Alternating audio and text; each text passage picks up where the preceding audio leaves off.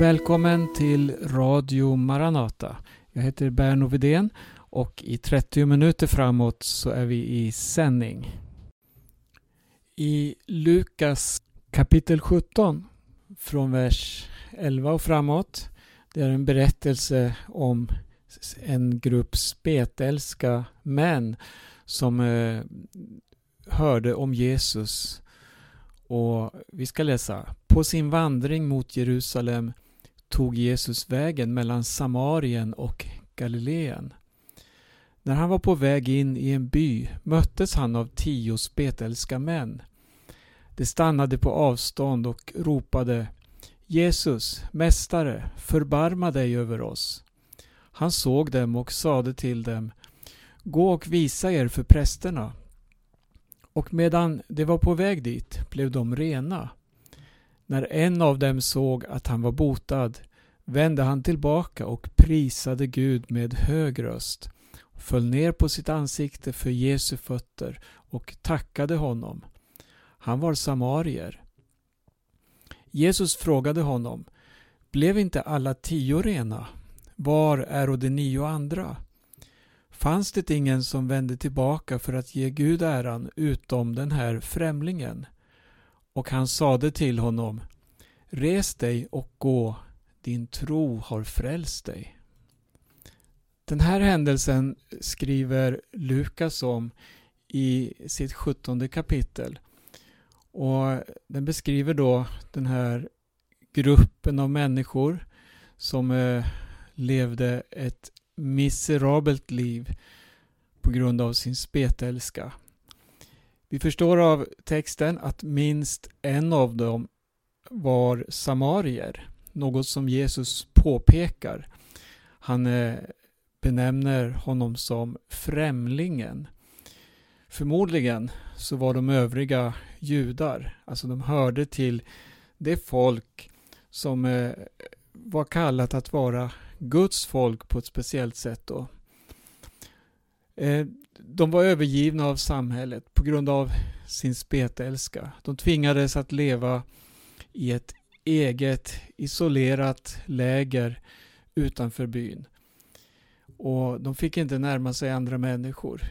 Kom man närmare än hundra meter från någon eller från folket eller från stadsmuren eller eh, vad det vara må, ja då var de tvingade att ropa spetälsk, spetälsk. Eller om någon skulle komma närma, närmare de här spetälska, ja då fick man varna och ropa oren, oren, spetälsk. Allt människovärde var taget ifrån dem. De var på ett sätt helt anonymiserade som en grupp spetälska som bara gick att vänta gick och väntade på att brytas ner allt mer och så småningom dö bort. Förmodligen såg de hemska ut, de här spetälska. Beroende då på vilket stadie spetälskan befann sig. De kan ju ha förlorat fingrar, öron, tänder kan ha börjat lossna, armar, näsan. Ja, de äts upp bit för bit. Deras kött börjar ruttna och stanken blir därefter då outhärdlig.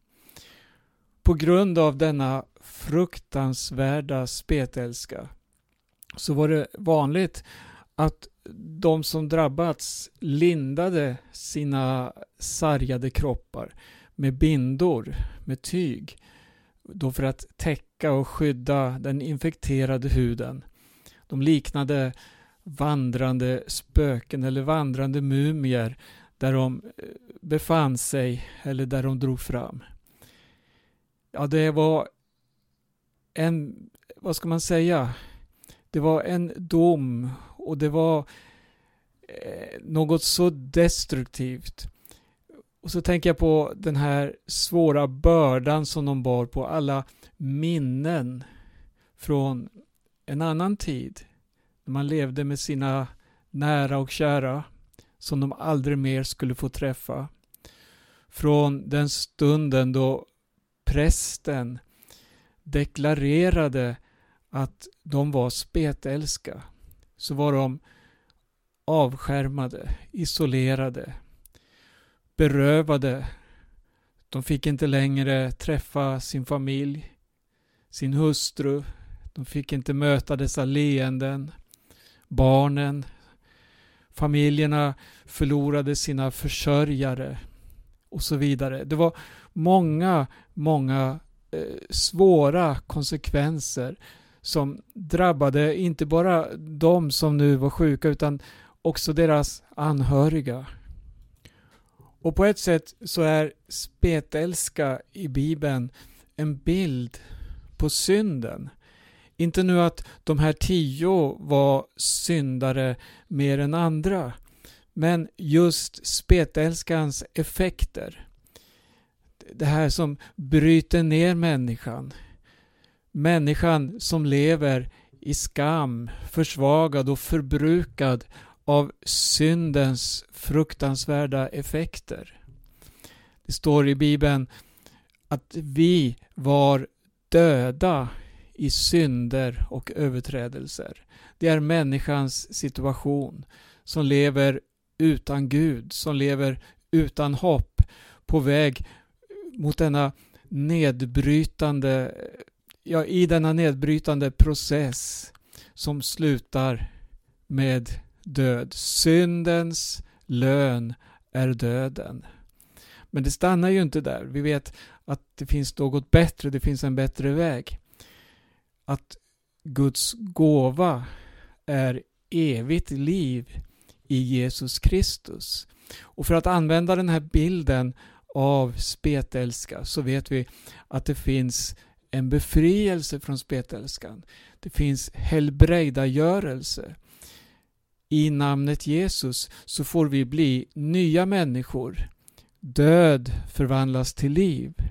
För att Jesus, han har övervunnit döden. Han har besegrat döden genom att han dog för varje människa då han gav sitt liv på Golgata. De här tio, de hade på något sätt fått höra om Jesus. Och det gjorde att de vågade närma sig honom.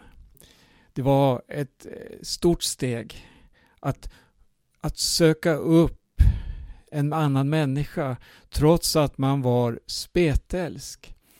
Men de ropade efter Jesus. Förbarma dig över oss. Och för det här tilltaget så skulle de kunna bli stenade. Så säger lagen. Eller det står så i Moseböckerna där, där spetälskan beskrivs och hur man ska hantera den som är, bär på spetälska. Men nu var det Jesus det handlade om. Och Jesus han hörde deras rop.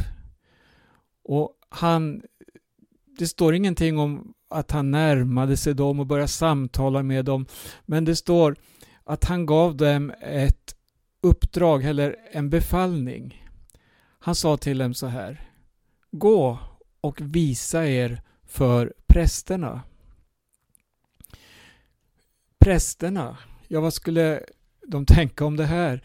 För det var ju prästen som hade förklarat dem för orena. Det var prästen som hade skickat iväg dem bort från sina nära och kära till detta liv i isolering. Det var prästen som hade sett till att de skulle hålla distans till alla människor för att den här smittan inte skulle sprida sig. Spetälskan inte skulle få grepp i andra människor. Men hur skulle de nu kunna gå tillbaka då till prästen? De var ju fortfarande orena. De var, de bar på denna spetälska och Jesus sa Gå och visa er. Ja, prästen var ju den som kunde förklara dem rena igen. Men då måste man ju först vara ren. Och här, här, här kan vi, vi ska ta en bild av det här också.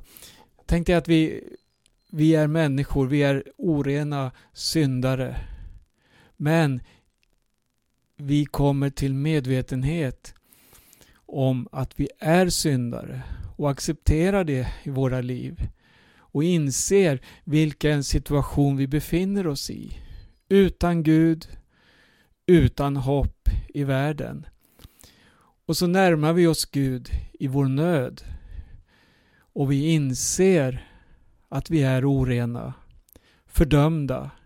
Och så vet vi, vi har framför oss då en Gud som är helig, som är rättfärdig. Vi har en lag som fördömer oss. Romarbrevet skriver så här att alla människor har syndat och är i avsaknad av härligheten från Gud. Det är människans situation. De här tio spetälska, de lyssnade till Jesus och de började gå. De eh, började vandra, vi kan säga så här, ut ur fördömelsens skuggor. De trodde på Jesus. De lyssnade till honom. Och på det här undret som de hoppades på, trots att de nu fortfarande var sjuka, så hade Jesus gett dem ett val. Ett val som de själva fick ta ställning till. Det var deras beslut. De gick och de närmade sig nu prästerna. Förmodligen med skälvande ben. Med tanke på eh, vad de kunde utsätta sig själva och andra för. Trots risken att bli stenade. Men de gick i tro på Jesu ord och det löfte som finns knutet i namnet Jesus. Och när de var på väg, då inträffade undret. De blev fullständigt rena, kan vi läsa. Lagen, den uppenbarar synden för oss. Den dömer oss. Den visar vilken situation vi befinner oss i. Men så får vi under vägen höra om Jesus och vi börjar ropa till Jesus. Herre, fräls oss, befria oss, rena oss, Herre. Skapa ett nytt liv i våra hjärtan. Det står om Jesus i Jesaja 53 så underbart den här profetian som Jesaja frambar. Eh, den är eh, en av Gamla Testamentets mest eh, gripande texter där det talar om den lidande Messias. Så står det så här i eh, vers 4 att det var våra sjukdomar han bar. Våra smärtor tog han på sig. Och nu ser vi hur dessa tio då får möta detta under i sitt liv. Det var viktigt för dessa tio att tro på Jesu ord och att gå när han sa det. Det här blev förvandlingen. Och tron, det är, det är en gåva. En tro som är verksam i, i det osynliga, det här som vi inte kan ta på. Bibeln har, ger oss flera berättelser om, om liknande händelser där ordet går ut och så överlämnas ett beslut till mottagaren. En människa då som i sig själv får fatta ett beslut vad man ska göra med detta ord. Och tro då, det är att ta ett första steg på det som Gud lovar, på det som Gud säger. Och Sen gör Gud undret. Det handlar mycket om ödmjukhet. Det handlar mycket om att böja sig och att inse att Gud är Gud och inte ifrågasätta så mycket. En berättelse som jag vill dela med dig här det är när en hövidsman, alltså en hög militär hade drabbats av spetälska. Han hette Naman. Han eh, hade på många sätt försökt att bli fri från sin spetälska. Han hade förmodligen slösat eh, mycket pengar för att uppsöka de bästa läkarna som fanns och så vidare. Men det var ingen som kunde hjälpa honom. I hans hushåll så fanns det en slavflicka som var en av fångarna som hade eh, tagits då från Juda. Och den här lilla flickan, hon berättade i huset där hon var att om min herre hade känt profeten i Israel så skulle han se till att du blev frisk. Och det här nådde fram till Naman. Och han såg sin situation. Han hade försökt så mycket. Och nu såg han att ja, men jag vill prova det här. Och han lastade en karavan med, med sina djur och tog med sig med sig guld, silver, dyrbara klädnader och begav sig till Israels kung.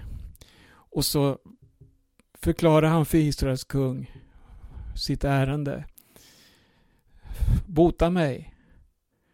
Men kungen, han blev förskräckt. Han, han, han rev sönder sina kläder kan vi läsa och började ifrågasätta. Men vad är det här? Är jag då Gud? Men det här nådde fram till Elisa, till profeten, som sa, eller sände bud till kungen och sa, sänd honom till mig. Naman fortsatte sin väg upp mot där profeten höll till. Men så hände det här då att profeten tog inte ens emot honom utan skickade honom till floden Jordan med det här beskedet. Doppa dig sju gånger i floden Jordan och du kommer att bli frisk. Förödmjukad blev han. Han skulle han behöva åka till floden Jordan när vi har så många fina floder i mitt hemland som är mycket eh, renare och så vidare. Nej, nu det var som att Naman han var på väg att vända tillbaka igen. Men då hade han en tjänare som bad honom att komma till insikt. Han ber dig om något enkelt. Gör det. Pröva det. Och han böjde sig. Han eh, for ner till floden. Och så står det om hur han doppade sig i floden Jordan. Och efter sjunde doppet så ser han hur hans hud blev som ett barns hud. Han blev frisk igen. Och glad så sökte han upp profeten och tackade och ville ge honom dyrbara gåvor. Men profeten sa att han inte ville ta emot något utan önskade honom allt gott och Naman återvände mot sitt hem. Här ser vi en människa då som blev fri från spetälska. Han ödmjukade sig, han lyssnade och han, även om det var motvilligt, så trodde han ändå på det som hände. Han visade genom sina handlingar. Elisa hade en tjänare som hette Gehazi. Han ville så gärna ha del utav Namans rikedomar. Och han tyckte inte om att Elisa hade tackat nej till att ta emot. Så då, då Naman var på väg bort därifrån så sprang Gehazi ikapp honom. Och så Naman stannade ju till och undrade om allt stod väl till. Och då bad Gehazi om lite silver och ett par dräkter. Och så kom han med en lögn och sa att, att det hade kommit nya profetlärjungar. Ja, han fick ju det han begärde. Åkte hem och gömde det. Och det här slutade i tragik. Då Gehazi mötte profeten så fick han veta att profeten hade sett alltihopa. Han hade fått det uppenbarat för sig och nu så drabbades Gehazi av denna spetälska. Se det här som bilder nu. Det här är händelser som ägde rum under Gamla Testamentets tid. Det var tragiskt på sitt sätt, men det visar på hur det här begäret i människan är nedbrytande. Vi sätter vårt hopp till det materiella. Vi sätter vårt hopp till guld och silver och att försöka ha en tryggad tillvaro här på jorden. Men så ser vi att det enda det för med sig i slutändan, det är död. Det är spetälska. Istället bör vi söka Gud i ödmjukhet och söka hans rättfärdighet, söka tacksamhet för det dagliga brödet och så vidare. Eh, Jesus skickade de tio till prästerna. Innan de kunde återvända till sina hem så, så, så säger lagen då att de måste deklareras rena och det var prästen som skulle göra det utifrån noggranna renhetslagar. Det var en process som kunde ta drygt två veckor innan de kunde förklaras rena. Nio av de här, de återvände aldrig till Jesus. Samarien, främlingen som Jesus sa, han sökte upp den som genom sitt ord hade helat honom. Och Jesus, man kan uttyda förvåning i det Jesus sa här. Var det bara du? Var är de andra? Vi söker Gud när vi har problem. Eh, Spurgeon sa så här vid ett tillfälle att om problemen leder oss att söka Gud i bön ja då är problemen en välsignelse. Och det är sant. Vi söker Gud och vi ser att när vi i vår nöd, i vår prövning närmar oss honom, ja då finns han där. Han svarar på bön. Men sen när vi har fått bönesvar, då är det så lätt att vi bara fortsätter med våra liv och glömmer bort den här tillgivenheten, den här tacksägelsen. Vi har nått vårt mål, vi blev fria, vi har övervunnit vårt problem. Men gör som Samarien. Gör som den här främlingen som inte ens var en del av det utvalda folket, alltså Israel. Gör som honom. Vänd åter till Gud i tacksägelse och så blir du på det sättet dubbelt välsignad. Samarien blev ren från sin spetälska. Men Jesus säger något mer till honom. Din tro har frälst dig. Jag ska nämna något mer här om Jesus och hur han gick omkring, gjorde väl, hjälpte människor, botade sjuka. Han kom verkligen med hopp till människor. Det står i samma Lukas evangelium att Människosonen har kommit för att uppsöka och frälsa det som var förlorat. Och nu ska vi läsa i det sjunde kapitlet i Lukas. Det står här om Johannes döparen. Johannes döparen var ju anhörig till Jesus och han var också den som fick döpa Jesus i floden Jordan. Han var väldigt speciell och hade ett uppdrag att bana väg för Jesus. Johannes hade också kommit i onåd hos kung Herodes som lät sätta honom i fängelse. Men eh, nu så hörde Johannes då från där han var vad som talades om Jesus och det han gjorde. Och det står så här i vers 18.